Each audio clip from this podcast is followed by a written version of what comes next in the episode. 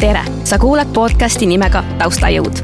mina olen Deivi Tall ning igas saates teen ma juttu inimestega, kelle töö ei jää märkamata, kuid kelle nimi on näha vaid lõputiitrites. Nad on taustajõud staaridele, poliitikutele, sportlastele ja teistele silmapaistvatele inimestele olen kindel, et peale igat episoodi on sinul, hea kuulaja, veel rohkem indu oma elutee ägedamaks muuta, tööalased sihid paika saada ja unistuste poole püüelda. Inspiratsioonivalang on garanteeritud. tere, hea kuulaja, mina olen Deivi ja taustajõu uus osa algab nüüd. Teate, ma pean ütlema, et ähm, tegelikult seda tänast osa ma ootasin vist kõige enam. Äh, väga pikalt olen seda oodanud sellepärast, et siis, kui ma tulin sellele mõttele, et äh, teha see podcast, siis äh, kohe esimeste seas oli mul just tänane, tänase külalise amet. et kindlasti ma pean selle inimesega rääkima, sest et see on minu jaoks nagu äärmiselt huvitav. ja ma arvan, et mitte ainult minu jaoks, ma arvan, et meil on siin noh, väga palju kuulajaid, kes praegu kuulab ootusärevuses, et mis, mis tänane osa nüüd tooma hakkab Äh, ja natukene veel äh, nii-öelda sissejuhatuseks, et äh, kui mul on taustajõu intros öeldud, et mul käivad külas inimesed, tänu kellele saavad staarid seal särada, poliitikud kõrgel püsida, sportlased seal, ma ei tea, suuri auhindu võita, siis tänane külaline on inimene, tänu kellele saavad inimesed elada ja teate, ma arvan, et ma ei liialda, kui ma seda ütlen. mul on külas äh, Tallinna kiirabi õdebrigaadi juht Anu Kärner, tere Anu! tere! No esiteks ma tahan öelda, et äh, suur aitäh, et sa leidsid selle aja, et siia tulla. Ja ma pean ütlema, ma arvan, kogu Eesti kõikide inimeste nimel, et lihtsalt suur aitäh, et sinu töö eest, selle eest, mida sa teed.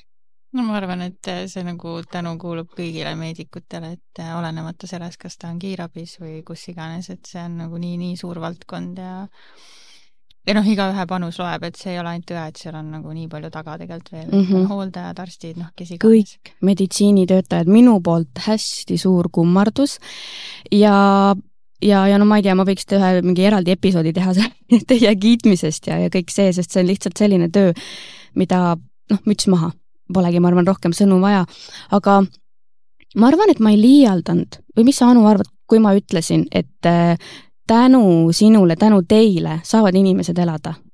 noh, selles mõttes, et kui me räägime kiirabi kontekstis, et äh, kindlasti meie ju eesmärk ongi nii-öelda elupäästev abi. et selles mõttes kindlasti, muidugi me vahel käime ka lihtsalt nagu head sõna ütlemas mm, -hmm. aga mõne jaoks on ka see nii-öelda päästev et ma arvan, et äh, niimoodi laias laastus sa ütlesid õigesti. Aga kui sa, ütleme niimoodi, kui sa hommikul äh, üles ärkad ja tööle lähed või üldse, kui sa tööd teed, kas see mõte, et sinu, reaalselt sinu kätes võib olla kellegi inimese elu, kas on sul see kogu aeg kuklas, justkui et noh, ma ei tea, anda endast sada protsenti või sa pigem nagu ei mõtle sellele, et vaimselt nii-öelda nagu toime tulla, et see on ikkagi töö ja ma arvan, et äh, kui sa oled selle eriala peal, noh, ükskõik mis eriala, sa, sa ei mõtle kogu aeg, et oo oh,, ma teen seda tööd.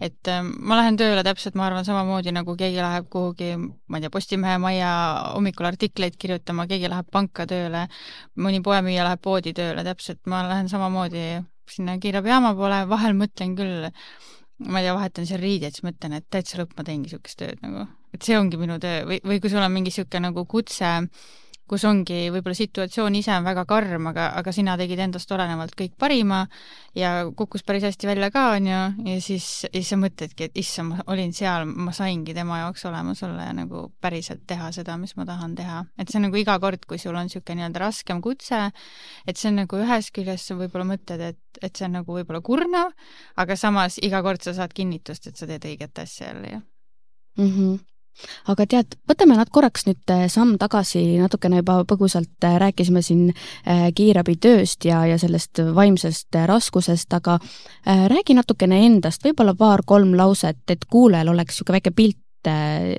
sinu ees. no ma olen Anu, ma olen kahekümne seitsme aastane, olen kahe lapse ema.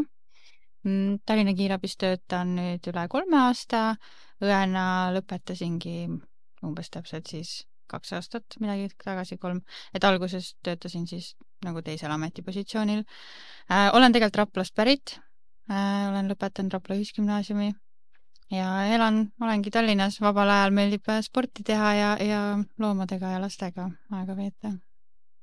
ja äh, nüüd ongi siis niimoodi, et sa lõpetasid, eks ju, gümnaasiumi ja läksid siis äh, õppima? Äh, esimesel aast-, esimesel korral peale gümnaasiumi ma proovisin jah, ma proovisin Tallinna Tervishoiu Kõrgkooli. Äh, ma ei saanud sisse sinna kooli, äh, see oli tegelikult üks tehniline viperus ja hiljem enam ei olnud midagi teha lihtsalt, et ma magasin selle ise maha. ja, ja siis elu tegi omad keerdkäigud, mul sündis esimene tütar ja peale seda mu oma isa ütles, et nii, nüüd on aeg uuesti minna ja siis ma läksin sisuliselt niimoodi, et ma tegelikult minestasin ise verd nähes ära, aga ma läksin ja, ja täna ma olen nagu väga uhke, et ma selle ära tegin ja väga rahul oma valiku üle, sest täna ma ei kujutaks ette, et ma teeks mingit muud tööd mm. -hmm. aga mis, sa läksidki siis õppima õendust? jah mm -hmm. see õendusõpe on äh, bakalaureuse astmes siis kolm pool aastat, et on nii talvine sissevõtt kui siis on vastuvõtt tähendab siis ja kuni ja siis ka suvine okei okay., ja sa lõpetasid siis ära ja kelle sa, kellena sa võid nüüd siis, ütleme, kui sa oled saanud selle bakakraadi kätte, sa võid äh, minna nagu kiirabiks, kiirabisse, eks ju, tööle mm, -hmm. kas EMO-sse või kas nad on nagu samad, sest ma mõtlen, et teil meditsiinil on neid tahke nagu nii palju, okei okay,, arstid arstideks, eks mm, -hmm. aga ka sealt edasi, et äh, ongi seal või ma ei tea, kiirabidispetšer, kuidas ne nendel näiteks on? dispetšer või... ei ole üldse seotud õeharidusega, et äh, tegelikult ongi nii, et kui sa lõpetad õena, valdav enamik juba teab varem, kuhu kuhu nii-öelda valdkonda nad eraldi spetsialiseeruvad. Et äh, minu puhul ma teadsin, et ma lähen kiirabisse, sest minul on pere seal ees, ma olen nagu kogu aeg selle sees olnud. Mm, mõned töötavad varem juba haiglas hooldajatena mingis osakonnas ja siis ta tunneb, et vot ta ei taha enam hooldaja olla, ta tahab edasi areneda. õpib õeks, aga töötab samas osakonnas edasi. paljud, kes lõpetavad õena, tegelikult ei jää õena tööle, nad lähevad näiteks kosmeetiku eriala peale üldse, et ka seal on vaja nagu õendusalaseid teadmiseid. Et ähm, noh, kliinikutes, igal pool ilukliinikutes, et tegelikult see nagu on väga suur noh, ampluaa, kus sa võid töötada, et seda ei saaks öelda, et õdedel endal tööpuudust on mm. -hmm. et sa võid, noh, see väga-väga-väga suur valik, et äh, üks eriala, aga sul on nagu miljon väljundit tegelikult mm. -hmm. väga põnev. ma ei, tead, ma ei oleks ise selle peale tulnudki, et äh, minnakse nagu, muidugi jah, ilukliinikus on ju ka vaja seda, et iga suvaline vist ikkagi sulle ju ei süsti tegema ei tule ju. jah, just niimoodi, et äh, selles mõttes tavaliselt on need ikkagi need, kes on juba alustanud mingi kosmeetikuna tööd, aga neil tulevad need piirid ette, noh, ma nii süvitsi ei tea, sest mina ise ei ole kosmeetik, aga mm, -hmm. aga noh, nii palju, kui näiteks meie kursusel oli, et meil oli väga palju tüdrukuid, kes ütlesidki, et no nii-öelda on vaja nagu juba seda õendusalast äh, tausta, et nad saaksid nagu nii-öelda teisi protseduure teha, mis nõuavad seda nii-öelda meditsiinioskust mm. -hmm. aga huvitav, kas sa tead, äkki on vastupidi ka olnud, et alguses ongi, tuleb nii-öelda sellel eesmärgil, et ta tahab kosmeetikaga, eks ju, edasi minna, aga siis hakkab ikkagi meeldima ja siis näiteks lõpetabki seal kiirabis või EMO-s või kuskil ongi õde näiteks? ma võiks öelda, noh, niimoodi mul ei ole näidata, aga tavaliselt on ikkagi nii, et ähm, oma tutvusringkonna põhjal iga õde töötab kuskil veel ta ei tööta ühes kohas. et kas siis on pool kohta kiirabis, pool kuskil ilukliinikus, pool kuskil mujal, mõni, mõni, noh, mõned käivad tõesti ühe koha peal ka, et kindlasti on neid, aga enamik kuidagi jaotavad ära, et see aitab ka nagu ennast värskena hoida, sest noh, haiglas on ühed reeglid, mujal on teised reeglid ähm,, endal vaheldus, just see, et muidu see rutiin tapab ära näiteks mm. -hmm. et meil on ka näiteks tööl inimesi, kes töötavad, ma ei tea, poole kohaga meil kiirabis on ju, ala ja ta töötab näiteks teise poole kohaga pangas hm. et äh, väga, väga erineva taustaga inimesed, et sa kunagi ei tea, kes seal tegelikult nagu on mm. -hmm. et võib-olla lähed panka telleri juurde, aga tegelikult öösel võib-olla päästab elusid kuskil. jah issand, kui põnev niimoodi mõelda. aga praegu lihtsalt turgatas pähe, et kuidas nüüd selle hambaraviga on, ma ei tea, kas sa seda tead, et, et nagu kui ähm, seal on ju ka, eks ju, need assistendid, kas nendel peab olema kindel just see hammaste, ma ei tea, eriala ma tean, et seal mingid assistendid vist koolitatakse välja, aga ma ütlen ausalt, mul nagu, ma ei, ma ei tea süvitsi seda mm -hmm. hambaosa üldse, et ma ei ole sinna see on nagu... jällegi juba eraldi, jah? jah, ma arvan, et jätame kellegi targema vastata, kes teab. järgmine külaline, väga hea aga sa mainisid, et su pere on äh, üdini siis äh, meditsiini, äh, meditsiini elu elanud räägi natukene oma perest, kes sul on isa, ema? no ema on mul äh, ainukene, kes tegelikult on siis meil patsient nii-öelda. ahhaa, okei okay. et, äh, et isa on mul tõesti, töötab ka kiirabis brigaadijuhina mm, -hmm. on olnud ka muid erialasid seal, lisaks on ta siis õpetaja koolis ise. no vot, jällegi, eks ju, üks ja teine täiesti sellised, et jah, aga õpetab õdesid selles mm -hmm. mõttes. aa, okei, okei. ikkagi jääb nagu eriala mm -hmm. peale ja, ja noh, eks meil on see perekond üsna suur et äh, seal on meil ämmaemandaid, on veel õdesid, mu oma õde õpib õeks veel praegu mm. -hmm. ja siis äh, elukaaslane on mul erakorralise meditsiini arst-resident tead, ma olen alati mõelnud seda, et ähm, kui mul äh, lapsed sündisid, siis ma muretsesin reaalselt iga asja pärast, no ma arvan, iga ema muretseb, aga sinu või puhul on nagu selles mõttes hea, et sul on nagu kõik nii-öelda käest, käepärast võtta, et äh, pluss sul enda teadmised ka, et ma reaalselt läksin ükskord EMO-sse sellepärast, et äh, poja naba tundus nagu natukene kahtlane ja ma läksin EMO-sse, ma olin täiesti nagu hüsteerias. Mm, -hmm. ma jõudsin sinna, siis plõks võeti naba ära, et see kõik on nagu okei. Okay.. et kas sina, sul on ka lapsed oled, olid sa ikkagi, ütleme, esmaemana näiteks selline pabistaja ka või nagu tänu teadmistele sa said natukene laadnemalt võtta? Äh, kui mul esimene laps ju sündis, siis ma ei olnud veel nagu õppinud õeks mm. -hmm, õigus mm. -hmm. täna ma võiks öelda, et tegelikult oli lihtsam kasvatada last siis, kui sul ei ole haridust oh., sest äh, sa ei tea midagi karta. kui sul on Võt haridus, sul on liiga palju teadmisi, sa mõtled väga kiiresti üle, jah, sa nagu ühest küljest oskad aidata, teisest küljest sul on nagu tuhat ideed, mis see võiks olla. ja, ja siis sa oledki seal nagu iseendaga kimpus et siis vahel aitab, kui keegi nii-öelda, kes ei ole seal asja sees iga päev ütleb, et kuule, et tegelikult on okei okay,, vaata, ja siis mm -hmm. mõtled nagu, aa, on, on, on küll jah, okei okay.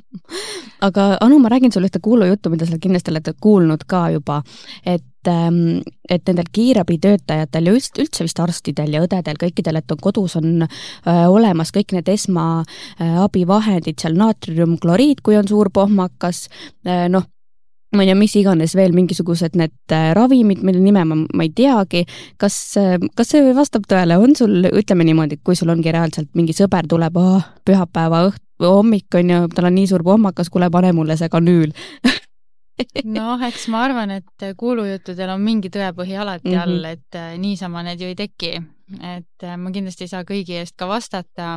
fakt on see, et iga ravim vajab nagu kindlasti õigesti hoiustamist, et väga paljud ravimid on valguskartlikud, rääkimata siis, kas nad peavad olema külmas või soojas või kuidas neid hoida, pluss nad ei säili kaua kodutingimustes sa ikkagi pead ka arvestama sellega, et see infektsioonioht on suurem, kui sa seda kanüüli seal ikkagi paned ja sul näiteks ei ole kindaid ja neid desoaineid ja kõiki neid asju, et äh, sisuliselt äh, ikkagi kui sul on suu peas ja sa suudad vett juua, siis joo vett, et jäta see armas õde või arst rahule, kes praegu võib-olla oma vaba päeva naudib et parim pohmakaravi, sina ütled, et on ikkagi vesi? jah mineraalvesi kõige parem, et selles mõttes, et ma ütlen, ma ei saa vastata kõigi eest, aga mm -hmm. ma mhm. usun, et kuulujuttudel mingil määral võib tõepõhi all olla mm. -hmm aga teate, hakkame natukene siis sinu nendest tööülesannetest rääkima ka, sa oledki siis äh, õde brigaadijuht.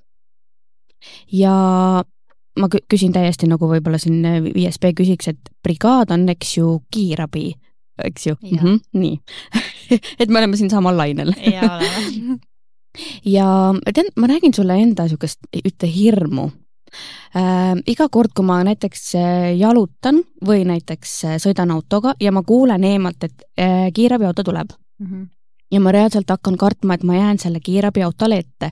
kas ma kogemata tuterdan sinna jalakäijate kuskil vales kohas või ma noh, pean ju, eks ju, eest ära tulema, keeran just äkki vastupidi ette ja ma reaalselt kardan seda, et ähm, ma keeran sinna ette ja ma tekitan omakorda selle õnnetuse ja siis see inimene, kes, kellele tegelikult see kiirabiauto mõeldud oli, oli, ei saa nagu seda abi kas on sellist asja juhtunud ka?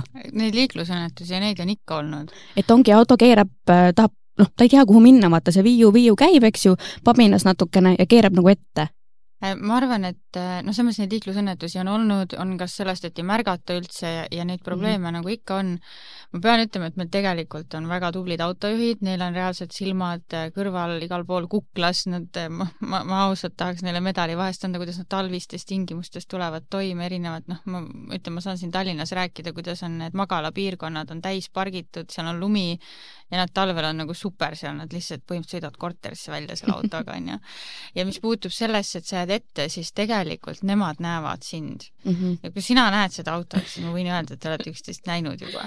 et lihtsalt hoiadki sinna paremale poole ja ära hakka üldse rapsima, ole rahulikult ja, ja küll ta läheb mööda, aga ma tean seda tunnet, sest ka mina ise liikluses, kui ma kuulen neid sireene mm, -hmm. mul tekib kohe mõte, kustpoolt ta tuleb et selles mõttes see on mingi inimlik instinkt, ma arvan, et sa ei taha ette jääda Just. ja siis sul tekib niisugune nagu paanika, aga ma ütlen, ole rahulik, ole seal tee ääres ilusti ja, ja, ja kogu lugu mm. -hmm et selles mõttes, et noh, kui oled autoga, et siis ikkagi liigu, sest tihti juhtub seda, et kõik jäävad seisma, aga nad ei saa mööda ka ja siis see liiklus seisab, et kus siis see kiirabi sealt läbi mahub mm. -hmm, mm -hmm, jah, nii kipub olema jah, et äh, kuidagi nagu lähed sapsu ja, ja siis mingi oh my god, vaatad, kust ta tuleb ühe poolt mm -hmm. teise poolt, siis keerad pead koos rooliga ja jääge rahulikuks, nii ma proovin endale ka seda sisendada, eks ju, nagu igas olukorras ikka elus yeah., jääge rahulikuks, siis tuleb asi välja. jah, et selles mõttes, et tema teid ju näeb, et tema ju ei taha teile meelega otsa sõita ja, ja siis pult tegi nii, et sina ka ei taha ja mm, -hmm. ja, ja noh, tavaliselt need olukorrad, kui ikkagi meie, ma ise olen seal brigaadis ja me sõidame kutsele, need lahenevad hästi, inimesed tulevad eest ära, et ei ole nagu, kuidagi tekib niisugune telepaatia vist, et inimesed nagu vaatavad otsa ja tulevad eest ära, et üldiselt on nagu hästi sellega, väga harva, kui on mingi probleem, et tõesti keegi ei kuule, ma kahtlustan, et seal taga võib olla see, et roolis tegeletakse mingite mm -hmm. muude asjadega üldse.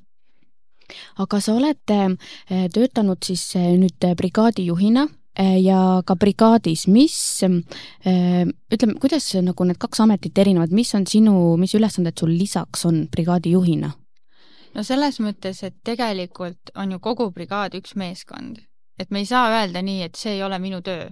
sinu mm -hmm. töö on see, ma ei tea, ütled seal oma tagaliikmele, kelle me kutsume siis teine liige, on ju, et brigaadijuht on esimene liige ja siis autojuht ehk siis see kiirabitehnik on siis kolmas liige et äh, sa ei saa öelda sellele teisele liikmele, et see on sinu töö kanüüli panna ja mina ei tee seda, eks ole, et ei ole, et me oleme kõik seal nagu patsiendi jaoks, sina brigaadijuhina lood selle keskkonna. et äh, mina alati ütlen, kui ma valvet ka alustan, kui kellelgi mingi probleem on, et ole hea, ütle, aitame üksteist nagu, et seda mugavam, parem on patsiendi kvaliteet, on ju, ja meil endal ka kiir-, noh, me saame kiiremini tehtud need asjad ja, ja paremini et ei saa päris niimoodi, et igalühel on oma töö, et muidugi on erinevad asjad, et brigaadijuht siiski otsustab ravi, eh, brigaadijuht otsustab, kas me lähme haiglasse, kas me ei lähe haiglasse, kuhu haiglasse, ta noh, Tallinnas on piirkonnad jaotatud, on ju, aga üle Eesti. aga mingitel asjadel on erandjuhud, olenemata piirkonnast. et selles mõttes brigaadijuht on siis nii-öelda see, kes ikkagi otsustab mm. -hmm aga kui palju teid seal ühes autos äh, on, ongi autojuht, kui palju siis veel on? Kokku on, noh, tavabrigaad on ikkagi kolm liiget, ongi see brigaadijuht, taga tavaliselt on kas õde, abiõde või siis erakorralise meditsiinitehnik mm. -hmm. ja siis on meie armas autojuht okei okay., ähm, aga räägi, milline sinu selline, ütleme, tavaline tööpäev äh, välja näeb, mis kellast sa alustad, kui pikad on su tööpäevad, noh, seal on ju öövahetused, kas on graafikuga töö? meil on graafikuga töö, me saadame oma soovipäevad ära, valdav osa nendest läheb täppi. Mm, töötada saab kahekümne nelja tunnistes vahetustes, kaheteisttunnistes vahetustes, et äh, tullakse ka vastu kaheksatunnised päevad, noh, seal saab nagu nii palju laveerida, et äh, meil nagu, ma ei saaks öelda, et ei arvestata soovidega, ikka arvestatakse, et paratamatult on ju kõigil pered, enamike puhul ma ütleks, et tuleb kuidagi välja see, et üks operatiivkorral äh, töötaja elab teise operatiivtöötajaga, sealt tulevad ka need graafikusoovid ja see ja siis kuidagi nagu arvestatakse, et äh, töötan öösel, töötan päeval, töötan kakskümmend neli tundi. et ähm, mingit nagu muud kunsti seal ei ole, et äh, vastavalt sellele siis ongi. meil näiteks on niimoodi, et iga päev pannakse üles järgmise päeva päevakava, sealt sa siis näed, kus brigaadis sa töötad, kellega sa töötad, mis kellaks sa tööle pead minema et kõik ei alusta kell kaheksa, meil Mhm. on endal kolmes vahetuses, on kell kaheksa, kell üheksa ja kell kümme, sest me ei saa tervet linna ju võtta maha korralt mm, Mhm. -hmm. et meil peab ju olema, et kui ühed vahetavad, siis teised katavad. et äh, selles mõttes ja ka maakonnas kehtib see, et on eri kellaaegadel, et kui on ühes baasis mitu brigaadi, et siis on nagu eri kellaajad selle jaoks mm. -hmm. Mhm. et kui ühed vahetavad, siis teised katavad ja, ja ja nii ta käib, muidugi alati see nii-öelda päevakava paika ei pea, et vahel sa lähed tööle ja sa avastad, et kedagi on liigutatud või keegi on haigeks jäänud, siis mängitakse seal ümber. et äh, põhiliselt tava, mina ütlen niimoodi, et äh, lõpuks sa sõidad nende inimestega, kellega sa sõidad seal autos nagu uksest välja, sealt see, kui see Mhm. garaaži uks, uks üles tõuseb, et siis need, see on tänane brigaad. et äh, võib ka tulla üllatus nii, et sa lähed autosse ja siis veel kord vahetub. ahah, okei okay., aga teil ei ole siis seda, et ma ei tea, a la kell viis pliiats kukub, et äh, selles mõttes sa kunagi ju ei tea, kui kaua see väljakutse või midagi, eks ju, aega võtab. ei, seda kindlasti ei ole, et, et niisugust asja ei ole, et noh, mina, mina ise töötan kella kaheksases brigaadis, on ju, ja ei ole nii, et ma mõtlen, et kell kaheksa, kui ma olen näiteks kutsel veel, on ju, et siis ma panen oma iPadi kinni ja ütlen, et vabandust, aga Mhm. minu, minu tööpäev sai nüüd just läbi, eks ole. et seda ei ole, et äh, meil on ka see nii-öelda puhveraeg kolmkümmend minutit enne siis nagu äh, tavaliselt saame vahetama, võib juhtuda, et tuleb mingi kutse, häirekeskusel on õigus see meile anda, me peame seda teenindama ja nii läheb, et äh, ma võiks öelda, et valdav enamiku ajast me saame õigel ajal vahetama, aga on ka, noh, täna hommikul ma lõpetasin viisteist minutit hiljem. mitte midagi mm Mhm. -hmm. sellest ei juhtu. jah, et, et seal niimoodi tunde ikkagi ei, ei lähe nagu üle, on läinud? Äh, seal võib minna näiteks, kui sul ongi see viimane kutse, seal mingi raske kutse mm, Mhm. -hmm. ütleme, kas suur trauma või elustamine, siis on vaja ju kogu varustus ka ära puhastada ja pesta. Et sa ei saa päris nii, et äh, palun, siin on see auto, minu tööpäev on läbi, uus brigaad, võtke ja tehke, et sa pead andma alati, auto on meie suurim töövahend, Mm -hmm. sa pead andma kõik selle üle täpselt nii, nagu sa selle said, puhtana ja, ja kõik ravimid peavad olema olemas, kõik peab säilima, iga viimne asi peab olema täidetud, mis sa võtsid, sa paned tagasi, ei tohi ka üle täita, eks, siis nagu kaalud lähevad lõhki. Mm -hmm. et ähm, kõik peab olema nii, et kui see brigaad nüüd sõidab kutsele, siis nad ei tohi tunda, et aa, meil ei ole seda ja nüüd patsient jääb ravita. Mm -hmm. et kõik, mis on nii-öelda reguleeritud, et peab olema autos, peab seal olema. väga, väga põnev on kuulata ausalt, ma täiesti niisugune minu maailmast nagu nii väljas ja ma kuulan praegu väga suure huviga. räägi mulle, mitu väljakutset teil on seal, ütleme, ühes selles ööpäevas siis või ma ei tea, kas ööpäevana arvestate seda ühte, kui te teete mingeid graafikuid? Selles mõttes, et graafik ei sõltu nüüd meie kutsete arvust, eks ole, et teda mm -hmm. sa ei tea kunagi, et kas sa lähed täna tööle ja sa teed kahekümne nelja tunni jooksul kakskümmend neli kutset, mida mul on nagu juhtunud mm, -hmm. et see on nagu väga väsitav valve mm,. aga võib ka olla vähem, et seda me ei saa planeerida, et ma ütleks, et niisugune keskmine kutsete arv kahekümne nelja tunni peale jääb mingi viieteist kuni kahekümne kanti, et ma noh, midagi sellist, vahel vähem, vahel rohkem. no kui on ikka rohkem, siis seda väsitavam. Kui on vähem, siis on hästi siis on nagu tore puhata ja, ja lihtsalt nagu, et sa oled valmes, valves, aga et ei ole kogu aeg nii, et ainult jooksed ringi ja mm, -hmm. ja istud seal haigla järjekorras ja ja järgmisele kutsele ja teised tulevad, et keegi nagu noh, puhata ikka saab, et selles mõttes, et lastakse söögipausile ja joogipausile, aga aga niisugune nii-öelda, kui kisub väga liinitööks juba ära, et siis sa tunned ise ka, et nagu kuskilt midagi lohiseb, et tavaliselt siis ongi see mingil muul põhjusel, et mm -hmm. mitte meist sõltub, aga noh, see jällegi on enamasti seotud näiteks, ma ei tea, sügisperiood on väga nagu töökas periood, sest lapsed on haiged mm, -hmm. eriti esmavanemad kutsuvad palju kiirabi, ei tea, mida teha lapsega, tavaliselt juhtub see öösiti, kui see palavik tõuseb mm, -hmm. väikestel lastel larüngiidid, et kõik niisugused asjad, suvel on rohkem traumasid, eks ole, et on need peoajad ja kõik sellised et noh, ikka iga nagu aastaaja ja mingi perioodiga käib kaasas omapära, mis nagu juhtub, et noh, kui meil oli siin Covid, et see kutsete arv oli väga suur mm, -hmm. sest inimesed ei teadnud, mida teha, aga ja. selle kõige muu kõrval ei kao ju tavatöö ära. et insuldid, infarktid, kõik muu toimub ikka samal ajal, lihtsalt sul on veel üks tegur juures mm. -hmm. Kui ütleme niimoodi, tavalistel töötajatel, müügiinimestel näiteks on ju see, et lähevad tööle, oh, ma loodan, et täna on väga palju tööd, teil on nagu vastupidi, te tegelikult sisimas ikkagi loodate, ei tule ühtegi väljakutset ju. no sellist valvet mul ei ole olnud, et mul ei ole ühtegi väljakutset. mul on vist minimaalne olnud kaks kutset öö jooksul mm. -hmm. Mm, et ikkagi on nagu välja sõidetud. pigem jah, me loodame ikka, et tuleb rahulik valve, ega keegi ei taha ju kellelegi halba. aga me oleme alati nagu omakeskis öelnud, et me, me ei taha inimestele halba, aga kui see halb juhtub, siis me tahame seal olla mm. -hmm. oi kui ilus! et selles mõttes, et see on nagu niisugune asi, et siis sa nagu ei väljenda ennast halvasti, et, et sa tõesti nagu tahad seda tööd teha, aga see noh, muidu tavainimene mõtleb, issand, te tahate nii jubedaid asju teha ja me ei taha, me lihtsalt tahame seal olla, kui see juhtub. muidugi, ega teie ju, te ju ju teete kõike paremaks, eks ju.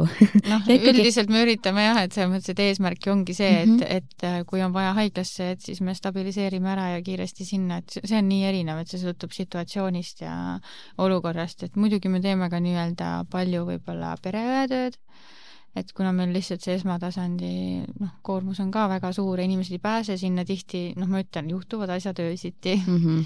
ja siis äh, ikkagi kõige lihtsam ja nii-öelda kiirem vastus on ju üks, üks, kaks ja kuigi meil tuli eelmise aasta aprillist kasutusele siis see uus juhend, mida Häirekeskus kasutab seal, et nad saavad neid kutsetöötlus on nagu veidi parem, on ju, et nad seal suunavad üks, kaks, kaks nulli peale, kes aitab nõustada ja vajadusel siis saavad üldse annulleerida selle kutse, aga, aga mõnikord ikkagi nad saadavad välja, sest noh, sa ei näe läbi telefoni, mis mm -hmm. seal mhm. tegelikult on, et et siin, siin võib tuua näiteks näite, et mõni ütleb, et tal on meeletu verejooks seal, tal on haav, on ju, noh, meie sõidame kõige kiirema prioriteediga välja ja siis sa jõuad kohale, tal on kassikriimustus, on ju mm, -hmm. või küüs murdunud, aga tema jaoks on see ju suur asi.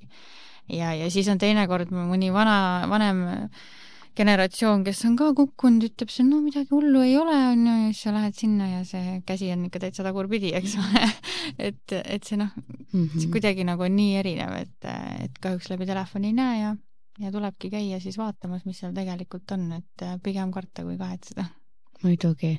ma vaatasin, et paar päeva tagasi te jagasite sotsiaalmeedias ka kõiki enda neid väljakutseid ja Äh, me täitsa nagu sõbrannadega vaatasime ja jälgisime, no nii põnev oli. Ja seal ikka ma nägin äh, ma ei tahaks öelda, nagu sa ütlesid, et oleneb, kuidas kellelegi on, nagu nüüd ma teen praegu jutumärke neid pseudoprobleeme, näiteks, et mis seal üks oli, et vererõhuaparaat ei tööta, et siis tahtis kontrollida, et kas tal see aparaat näitab nagu õigeid numbreid, aga tervis endal on nagu väga okei okay.. ja seal noh, ma ei tea, mingi, et noh, et äh, rahutu on olla, on ju, tahab rahu, rahustit saada ja, ja nagu sellised, ähm, sellised nii-öelda väljakutsed on, et kui sagedased või ütle mulle pigem nagu seda, et kas ähm, need väiksed, nii-öelda väiksed äh, probleeme, kas neid on rohkem kui, kui selliseid tõsisemaid? ma arvan, et ähm ma, ei saa lahterdada niimoodi, sest äh, vot ma võin öelda, et minu jaoks on see probleem väike, aga võt, selle ja. inimese jaoks on mm -hmm. see mhm. suur. et vot seesama kutse, mis te, mis sa rääkisid praegu, on ju, et noh, selle mehe jaoks on see suur probleem, eks mm -hmm. ole, sest ta tahabki mõõta iga päev oma vererõhku. küsimus on nüüd selles, kas sellega peaks tegelema kolmeliikmeline yeah. intensiivravi noh, brigaad, eks ole, kes on iga kell valmis nagu millekski päris eluliseks olukorraks, et kas nad peaksid minema nüüd seda vererõhuaparaati kontrollima et eh, noh, aga tavaliselt need ongi nagu sotsiaalsed probleemid, need inimesed on üksikud, neil ei ole perekondasid, kes aitavad, nad on jäänud kuidagi nagu sinna hammasrataste vahele, et keegi ei käi, nad ise ei käi kuskil ja ta teabki ainult seda ühte numbrit, kuhu helistada, kui tal mure on, et eh, et ma ütleks, neid sotsiaalseid probleeme on hästi-hästi palju, mida me käime nagu lahendamas et ma, ma loodan, et see ühel päeval nagu me jõuame oma riigi ja kõigega nagu sellemaani, et me tegelikult nagu leiame rohkem inimesi, kes tegeleks selle nii-öelda, meil on noh, vana, vananev ühiskond ju niikuinii, et, et tuleb tegeleda selle probleemiga.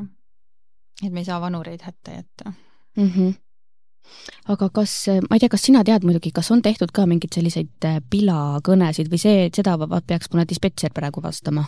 Ma arvan, et neid tasub Häirekeskuse töötajate käest küsida, sest uh -huh. nemad ju neid kõnesid vastu võtavad, et uh mhm. -huh. meie ju kõne ei kuule, meie ei tea nendest kõnedest midagi. et pigem sealt küsida, noh, mis puudutab nagu näiteks vale väljakutset, et seda, et kas see on vale väljakutse, kui me jõuame koha peale, see ju selgub siis, eks ole, et kas seal tegelikult oli või mitte uh. Mhm. -huh. et ma ei ole oma elus veel näinud, et äh, kellelegi trahvi selle eest tehakse, et politsei on noomitust teinud küll, et ma olen kutsunud, sest noh, see oli juba natukene jabur seal, et me ei jõua uksest väljagi, ta kutsub uuesti tagasi, aga tal probleemi nagu ei ole. et äh, see oli siis küll, et ma kaasasin äh, politsei ja natukene nagu noomisime teda seal mm, -hmm. aga selles mõttes, et niimoodi otseselt mina oma silmaga ei ole näinud, et keegi trahvi selle eest oleks saanud okei okay., aga vaata eelmise küsimuse juures ähm, Äh, sa ütlesid, et, et noh, sina ei saa, eks ju, nagu panna äh, seda äh,, ma ei tea, skaalat äh, peale, et kas on nagu suur probleem või väike probleem, on ju, aga teil vist ikkagi need ähm,, kuidas ma neid nimetan, need mingid värvid on, kuhu te selle mingisuguse asja laht-, nagu ütleme, mingisuguse probleemi siis lahterdate a la äh, ongi seal rahutu ja teine on näiteks mingi, ongi avarii, on ju, et need on ju erinevat värvi vist äh,? meil ei ole värve ah,. Meil on, äh, meil on prioriteedid ja, ja tüüpjuhtumid, eks ole et äh, häirekeskusel on, võtab selle kõne vastu, tema töötleb selle kutse koos arvutiga ja saadab vastavalt sellele siis logistikule, logistik saadab välja. et äh, meie, et see triaaži kategooria eraldi on juba EMO-s, eks ole, et see jääb nagu ka, meie viime sinna, teavitame -hmm. kes meil tuleb, muidugi me triaseerime ikkagi esmaselt, et äh, kui mul on see elustatud patsient, siis ta on selle kõrgema kategooriaga punasega, ma, ma helistan ette, et ma tulen sellise mhm. patsiendiga mm, -hmm. haigla on valmis vastu võtma mind, on ju.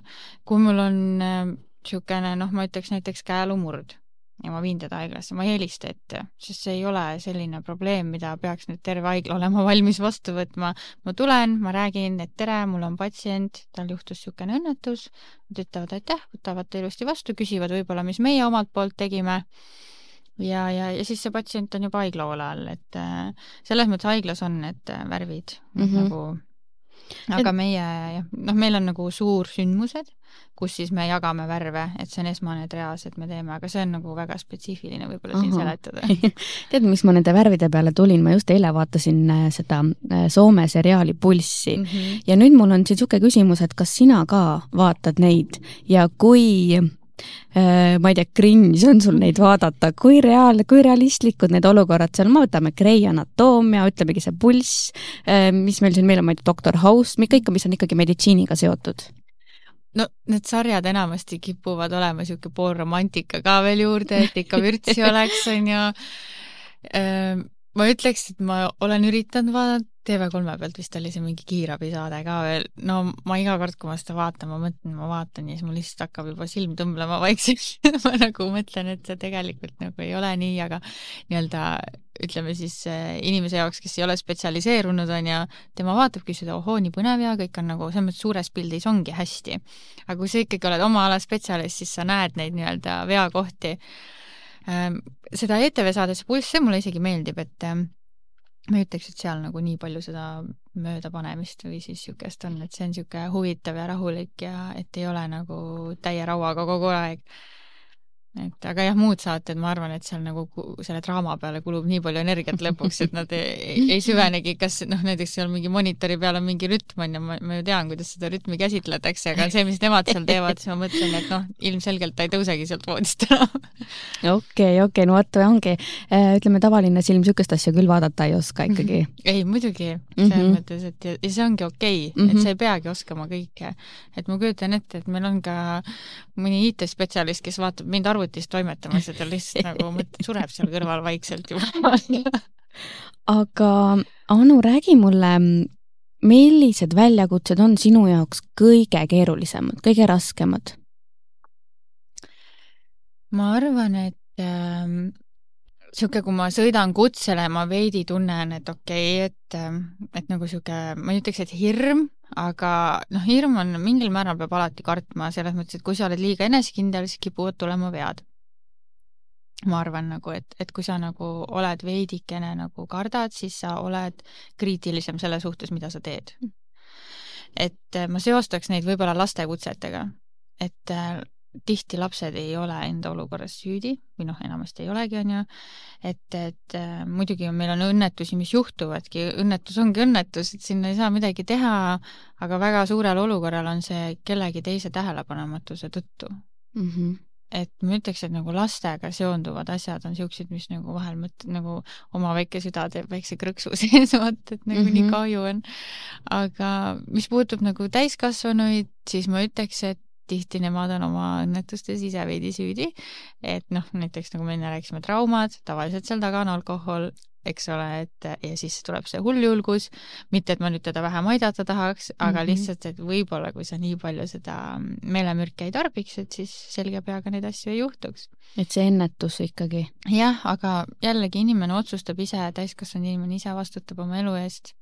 meie mm -hmm. lihtsalt peame teda aitama ja aitamegi, kui see olukord käes on, on ju aga jah, laste, ma ütleks, et lastekutsed ja teine äärmus on võib-olla ka vanurid et just need, kes on üksi jäänud, et abitus seisundis seal ja avastatakse mingi mitmed päevad hiljem, kui nad on seal, ma ei tea, toapõrandal võib-olla juba nädala lebanud, keegi ei ole helistanud ja siis naaber tunneb huvi, kutsub näiteks pääste, et kuulge, et ma ei ole oma naabri, näiteks toome suvalise nime Mariast, kuulnud juba nädal aega midagi, et tavaliselt käib ikka iga päev õues, aga vot mm -hmm. nüüd ei tea ja uksele ei vasta ja kõnele ka mitte. Ja siis me lähmegi päästega ja lõpuks siis saame sinna sisse ja on hästi, kui ta on elus, aga on ka juhtumeid, kus neid enam kahjuks meie seas ei ole ja, ja selles mõttes jällegi kurb, et me ei tea ju, kuidas ta sinna nagu põrandale jõudis, mis see lõpp võis olla. Et kas ta pidi seal, noh, ma ei tea, aga noh, võib-olla tahtis kellelegi helistada, aga võib-olla tal ei olegi kellelegi helistada või ta ei ulatunud telefonina. võib-olla ta mhm. veel kolm päeva oli seal täiesti okei okay,, aga keegi ei lähe vaatama et ma tahaks nagu südamele panna, et palun nagu suhelge oma esivanematega, kes teil on, need vanemad, vanaisad, et äh, et neelake alla see eneseuhkus ja tundke huvi, kuidas neil läheb tegelikult, sest keegi ei taha ikkagi üksi olla mm. -hmm. aga kuidas sa need ähm, vaatepildid endal nagu peast ära saad, kuidas sa öösel magada saad? ma magan väga hästi, ma olen väsinud. selles mõttes, et äh, ma ei tea, inimesel on niisugune äh, omapärane omadus, et sa unustad halvad asjad kiiresti ära.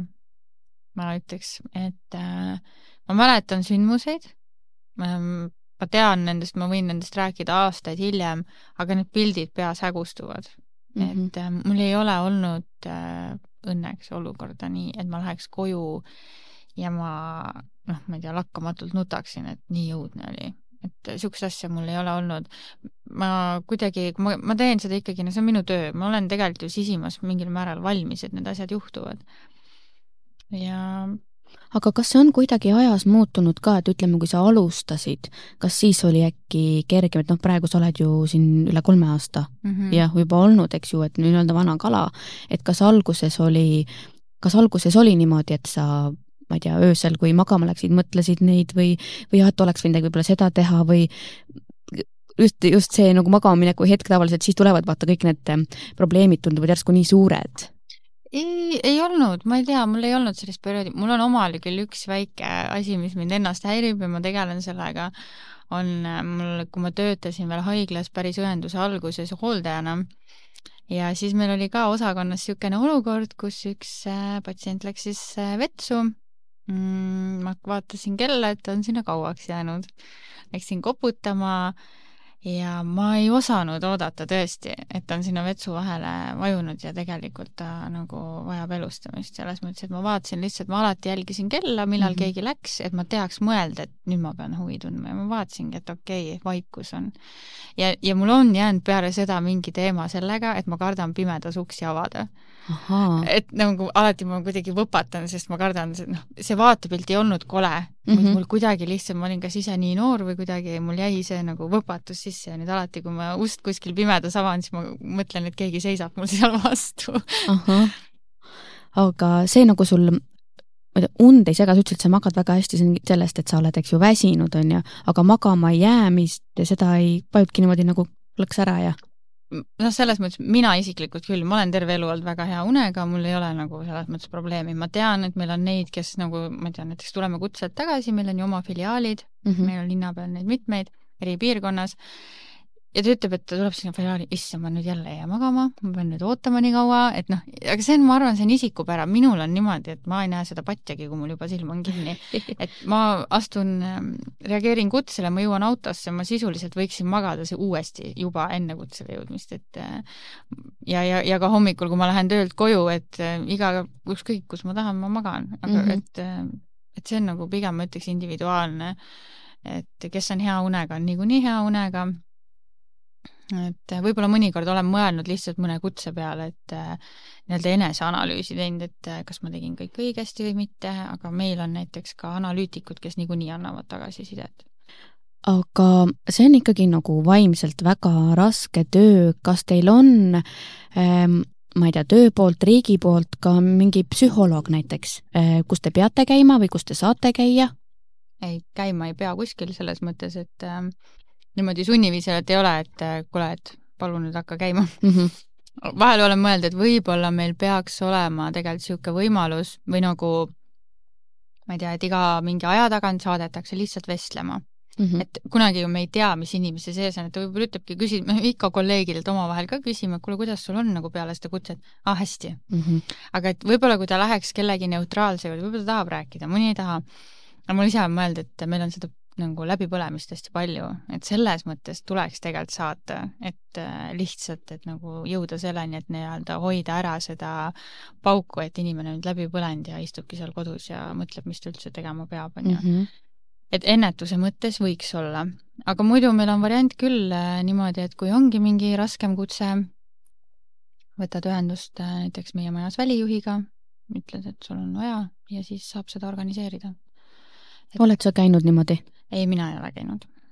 okei okay., ma mõtlesingi jah, et ähm, äh, võib-olla see on natukene selline eestlaslik ka, et vaata ei taheta väga nagu rääkida rääkida või ongi alati see, et kuidas sul läheb, hästi, see on nagu muud vastust sellel ei oleks yeah., ükskõik, kes küsib hästi, eks ju. et niisugune automaatne vastus tuleb mm -hmm. kõigilt, et äh, ma ütlen selles mõttes äh, noh, mina räägin kiirabi poole pealt, ma ütleks, et me oleme nagu üks suur pere, sa sisuliselt, kui sa töötad täiskohaga kahekümne nelja tunniseid vahetusi kuus, on mingi seitse tükki. sa ööbid nende inimestega koos, sa sööd nende inimestega koos, sa tead nende iga liigutust. Nad teavad sind ja sina tead neid ja tegelikult need kutsed, mis on rasked, te räägite hiljem, enamik räägivad omavahel. Ja, ja räägivad ära, et äh, nagu sa oled kuidagi, alati ollakse üksteise jaoks olemas, et ma ei saaks öelda, et kol-, meil on nagu hästi suur kollegiaalne toetus. See on väga hea mm. -hmm. et äh, selles mõttes on küll, et, et sa tead, et äh, kui sul ongi raske, ma ei tea, ma lähen istun seal teise brigaadijuhi kõrval, ütlen, et ma tahaks rääkida mm, -hmm. siis ta kunagi ei ütle, et kuule jää vait, ma ei taha kuulata mul on omal ka raske. ma ei taha tööst rääkida. jah, et mul on omal ka raske ära mhm. räägi. et alati on nagu räägi, mis juhtus ja siis sa ütledki, et ma lihtsalt tahan ära rääkida, ma ei tahagi mhm. lohutust, lihtsalt nagu räägin ära ja võib-olla ütleb oma arvamuse ja siis lähme eluga edasi nagu aga kas sul on olnud mingi äh, juhtum, mis ongi sind nagu täiesti rivist välja löönud ja sa oledki nagu peale seda mõtled, et oh my god, ma nagu pean minema kuskile ma ei tea, ja ma mõtlengi, et kui sul on olnud, mida sa oled siis teinud, ma ei tea, hingad seal sisse-välja, sisse-välja, on ju, või mingid niisugused basic asjad või lähed jood vett, pesed käsi, ma ei tea, mingid, mingeid selliseid asju? ei, mul ei ole olnud niisugust kutset, ma ei tea, kas, kas mu närvikava on teistmoodi ehitatud võib-olla, aga, aga selles mõttes, et äh, mul ei ole olnud äh, olukorda, kus ma mõtlen peale kutset, et okei okay,, nüüd ongi kõik nagu, et nüüd ma tunnen, et ma olen nagu täiesti rivist väljas, ma pean koju minema, sest meil on see ka variant, et sa saad koju minna peale rasket kutset mm. -hmm. et tõesti, kui sa tunned, et nagu, et, et mul on vaja saada täna ära siit, et minu jaoks on see päev täna lõppenud, siis seda saab et äh, keegi sind vägisi sinna tööle ei pane. ma ise arvan, et tegelikult noh, minu, see on minu perspektiiv, minu vaatenurk, et kõige paremini ravib see, et tööta kohe edasi mm. -hmm. et lähed järgmisele kutsele, siis sa nagu ei jää seda kogu aeg mõtlema, oot, aga nüüd oli mm -hmm. ikkagi niimoodi. et ähm, no see minule mõjub hästi, nagu selles mõttes ma ei saa jällegi rääkida teiste eest, minule meeldib nii, et ma töötan kohe edasi, siis lähen omas tempos ja siis noh, see, see oli töö osa ja midagi ei ole teha aga kas sul keset väljakutset on olnud äh, näiteks ka, sa pead midagi tegema, ma ei tea, a la elustama ja sa mõtled, ma, mina praegu seda ei suuda teha või sa oledki nagu näiteks nii, ongi jälle mingi rivist väljas mingi muu asja pärast või mingi plokk on ees ja ütled, kuule, võta üle, ma, ma ei, ma ei, ma ei saa praegu ei, seda ei ole olnud. elustamised ja traumad on meil algoritmi järgi, kui sul on need peas, sa lähed mööda seda kogu aeg äh, ma selles mõttes, ma ei ütle, et ma ei ole pabistanud. -hmm. et pigem on see, et kas ma teen kõik õigesti nagu praegu ma olen mõelnud, et nii, et nii algoritm ütleb mulle seda, kas me läheme praegu õigesti, alati saab paremini, noh, kui ma tagantjärele mõtlen, et vot seda ja toda oleks võinud võib-olla veel paremini teha, aga inimvõimekusel tulevad ka piirid ette. et ja kõi- ja tavaliselt need suured situatsioonid on alati mingi väga kitsastes sündmustes või noh, olukordades on ju et sa ei pääse ligi seal, sul ei ole ruumi, sul ei ole ka kuhugi teda tõmmata, on ju, seda patsienti, et seal endale ruumi teha. Et selles mõttes äh, me oleme natuke nagu niisugune Rentsli töö peal seal, et, et sa kunagi ei tea. ja ma ise tahaks uskuda, et nagu mul, minuga on hästi, ma olen ka alati öelnud brigaadile, et kui sa nagu tahad hiljem öelda mulle tagasisidet, siis ka see on okei okay,, et ma ei arva, et äh, peaks kartma nagu suhelda ka nii-öelda oma siis selle noh, nii-öelda ülemusega, et mm. -hmm. ikka ütle, et kuule, mulle tundus, et mis sa arvad, et äh, kõik on nagu lähenemise küsimus ja noh, ise peab ka olema enda suhtes ikka kriitiline, et ei saa arvata, et sa oled jumal. mm. -hmm. aga sa alguses mainisid, et sa kartsid äh, verd. ma praegu tuli kuidagi turgatas Mhm. see pähe, aga ku- kuidas sa sellega ära harjusid? said hirmust üle jah, see kuidagi lihtsalt läks loomulikult, et äh, varem oligi nii, et kui ma nägin verd, kanüüle, mul kohe olid silmad tagurpidi ja olin ise seal põrandal maas. vahet pole, kas, kas ma, kas torgati mind, torgati kedagi teist. ma käisin isegi mm, töövarjupäeval kunagi kiirabis. ma nägin, kui kanüüli pandi, kõik, sellega minu asi lõppes ja ma olin, mõtlesin, et see ei ole võimalik, et mina seda tööd kunagi üldse tegema hakkan. kui ma läksin õppima, siis äh, töötasin seal äh, teises kardioloogias ja seal ikka oli nagu siukseid äh, olukordi, kus sa nägid seda verd. et äh, ja siis, aga kui sul on patsient, kellel ongi siin arteris see auk on ja ta tuleb sealt opilt, siis tuleb seda verd, siis sa ei saa mõelda, et ma, ma ei, ma ei saa sind aidata. ma kuidagi mm. -hmm. nagu lülitasin ennast ümber, et temal olen ainult mina praegu, et ma pean selle kinni suruma ja mitte mõtlema oma hirmu peale, sest kui ma nüüd oma hirmule siin keskendun, siis seda võib-olla pole üldse varsti enam mm. -hmm. aga kas sul on jäänud ähm, keegi, mingi patsient niimoodi nagu natukene võib-olla südamelähedasemaks ka, et näiteks on väljakutse, eks ju, sa teed oma tööülesanded ära, sa viid ta haiglasse ja pärast näiteks võib-olla järgmine päev või midagi sa mõtled või küsid jälle, ütleme haigla töötajatelt, kuule, et kuule, et kuidas sellel, ma ei tea, sellel läheb või, või kas ta sai koju või, või on, on nagu jäänud keegi natukene rohkem niimoodi kripeldama? Seda on ikka, et me tahame tagasisidet ja see ei ole, ma ei ütleks, et ainult kripelduse tõttu mm. -hmm. vaid see on ka nagu üldine tagasiside, et vaata, meie viime haiglasse patsiendi näiteks ühe ideega, mõttega, Mhm. mis tal võiks olla, võib-olla mitmega, aga sa tahad teada, kas sa olid õigel teel üldse. sest ma ei näe ju inimese sisse, me ei tee mingeid uuringuid mm. -hmm. mitte midagi, meil on kõik see objektiivne pool ainult ja siis pluss patsiendi see subjektiivne ma ei näe ja ma ei tea, ma viin ta sinna, millega ma arvan, kahtlustan, aga ma tahaks tagasisidet ja siis me ikka küsime vahel, et, et kuule, mis tal siis lõpuks oli, onju. Mhm. et, et lihtsalt nagu enda jaoks ja, ja kindlasti on ka neid, kelle puhul ma nagu olen mõelnud lihtsalt, et mis tast sai ja, ja noh, no lihtsalt enda jaoks, et mm. -hmm. mul oli üks juhus nii, et ma käisin ühel kutsel Äh, ma arvasin, ma kaotasin oma stetoskoobi sinna ära ja siis ma sain selle patsiendi numbri, helistasin talle tagasi, et väga vabandan, et äh, tülitan, aga et ega juhuslikult ei jäänud teie korterisse minu seda stetoskoopi. Ja siis ei jäänud ja siis ta kuidagi hakkas seal juba rääkima muid asju ja siis me jäime rääkima ja ma soovisin talle kõike head ja, ja, ja siis ta helistas mulle ise uuesti veel mõni päev hiljem, et eh, tundis ise huvi, et kas sa nüüd ikka leidsid oma asjad üles tõesti. ma ütlesin, et ei, kahjuks ei ole leidnud, aga tänan huvi tundmast ja ja siis andsin talle paar nõuannet, mis mul nagu mõtlesin, et mis võiksid teda veel aidata mm.. Mhm. ja selle peale ta siis vastas mulle järgmisel päeval, et ma tänan sind ja see aitas mind no,. Niisugune lühiajaline tutvus, et siukseid asju ikka vahest juhtub või ta ei olnud minu patsient, aga ta oli osa patsiendist mm -hmm. üks Mhm. koer ahah, et äh, oli juhus, kus patsiendi, patsient ise kahjuks oli siit ilmast lahkunud, temast jäi maha väike koer, mis saab, onju. et tegelikult see on ju ka, et kas siis tuleb loomakaitse või keegi, aga, aga see koer oli lihtsalt, ma nägin, siis ma mõtlesin, ma, ma, ma tahaks ta koju viia ja et talle tuleb, tule, talle tuleb otsida uus kodu, et ei saa niimoodi, et seal oli noh, väga keeruline situatsioon, et sisuliselt taheti ta vist ka loojakarja saata mm. Mhm.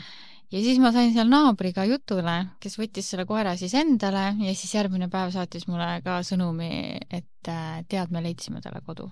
oi, kui tore. ma mõtlesin, et no ja sellised asjad, eks ju, need annavadki nagu seda, kõike seda, et sa saad teha nagu head ja inimesed tänavad sind ja ma tahaks loota, et on tänulikud, et kindlasti on oi ka kindlasti on neid olukordi, kus äh, ma arvan, et asi ei ole selles, et keegi ei ole tänulik, vaid näiteks me ei tunne inimestena üksteist, kõnemaneerid on erinevad ja sealt tuleb ka see võib-olla, miks me loeme uudistest mingit kaebust, et kiirabi oli kuri või keegi mm Mhm, -hmm, ütles mhm. pahasti, aga võib-olla see ongi see inimese kõnemaneer, et te, te ei tunne üksteist, ta oli võib-olla väga konkreetne lihtsalt. jah, vot ongi kurjal ja konkreetsusel on väga suur vahe. jah, et ma ei saa võtta kõigi käitumise eest vastutust, aga mm Mhm. -hmm. ma usun, et meil aetakse väga tihti konkreetsust segamini Mm -hmm. kurjusega. ma mõtlen seda ka, et ega tegelikult äh, kui sa ikkagi meditsiinis töötad, siis sa ei saa väga niisugune kluti-pluti olla ka, lihtsalt sellepärast, et sa ise vaimselt, ma arvan, et ei peagi vastu. Et nii-öelda empaatiat peab olema, Mm -hmm. aga sa ei saa ainult empaatia peal nii-öelda liugu lasta, on minu mm. -hmm. arvamus, sest sa lihtsalt põled väga kiiresti läbi. et, et see on loomulik, sa tahad, noh, see on nagu hästi on näha, need, kes on rohelised ja tulevad, nad on kohe, ma tahan kõike teha, ma tahan kõike kõiki anda. aidata. mina tulin nüüd aitama, aga no aidata sa saad ka muul viisil, et selleks mm -hmm. sa ei Mhm. pea õde olema. et äh, tuleb nagu mõelda iseennast esikohale, ära nagu jätta seda ära, et kas, mina mõtlen nii, kui mina astun sealt uksest välja, see patsient, tema mured jäävad siiapoole mm. -hmm. ust, minu elu on teisel pool ust. ja sama on ka see, kui ma astun sinna korterisse sisse, sel hetkel minu elu kõik jääb nagu Mhm. maha. ma ei saa, ma tegelen temaga. kui kaua sa näed ennast veel äh, töötamas äh, kiirabis? kaua? kaua? et ma, ma ei, noh, ma ei ütle, et ma ei lähe teistele erialadele mm. -hmm.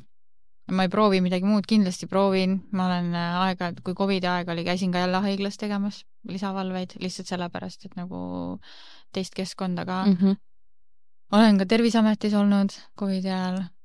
Et äh, ma võin teha lisaks, aga ma tunnen kuidagi, et minu nagu süda kuulub sinna kiirabi poole peale, et, et seda ma ei anna kindlasti ära mm. -hmm. et äh, ma olen nõus, ma ei tea, kui ma võtan mingi teise töö, et ma vähendan seal koormust või, või mis iganes, kui ma tunnen, aga, aga kindlasti see kiirabi jääb minul ükskõik mis koormusega, kas või selle miinimumiga.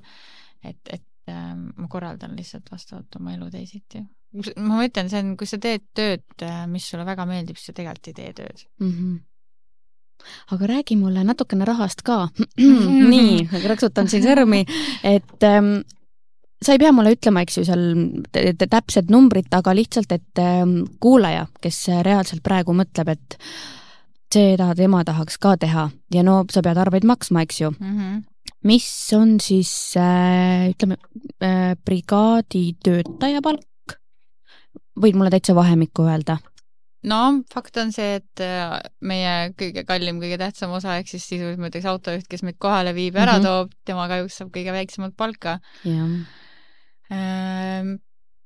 ma ei, ma ei tea täpselt nende summasid mm, -hmm. aga ma arvan, et äh, kui kogu brigaadi palgad nagu ritta lüüa ja kui kõik töötaks täiskohade peal, kohtade peal, siis ma arvan, et me võime rääkida seal ikkagi nagu tuhande ringis mm, -hmm. algavad need palgad ja lõpevad seal enne kolme tuhandet mm, -hmm. ma arvan, midagi sellist, et, et see sõltub jällegi sellest, ma ei tea, kes teeb ainult öövalveid ja öösiti on tariif mm -hmm. kõrgem, kes teeb ainult kahtekümmend nelja, kes teeb ainult päeva, sellest nagu nädalavahetuseti on veel eraldi tariif, et ja meil on veel nüüd eraldi ka, et sõltub sinu pädevusesse tunnihinne ja kõik mm -hmm. sellest, et see on nagu nii palju tegureid täna juba juures.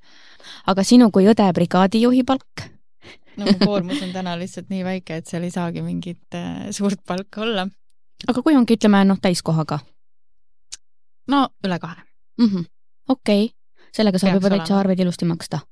peaks olema üle kahe, aga ma pole välja ka arvutanud selles mõttes, sest äh, siin oli väike kollektiivleping jälle tõusis, tõstis meie palka, et äh, ma ei ole nüüd selle uue palgaga töötanud täiskohaga mm -hmm. ja ma ausalt ei, pigem ei arvuta, sest mõnikord ma ikka hakkan mõtlema, et et nagu nii-öelda pagan, et mina pean, noh, mitte pean, aga sisuliselt ikkagi nagu ma päästan kellegi elu, on ju mm, -hmm.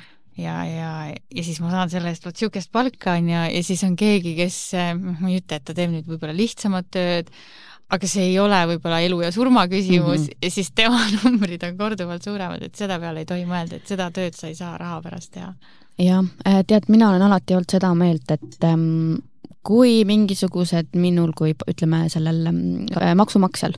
Maksud tõusevad ja kui nad tõuse, tõusevad äh, sellepärast, et meditsiinitöötajatele palku tõsta, siis pange aga sinna juurde kui siis just teile, eks ju no ma ütleks, et äh, üldse operatiivtöötajad, ka mm -hmm. pääste ja kõik, et jah, jah, kõik, just, just. mul süda tilgub verd, kui ma vaatan neid päästepoisse ja naisi ja mehi, kes äh, hüppavad sinna tulle ja mis raha eest nad seda tegelikult teevad mm, -hmm. ega nad ei teegi ju seda raha pärast, et see on jällegi niisugune missioonitunne, aga noh, keegi ei väärtusta seda, on ju. Mhm.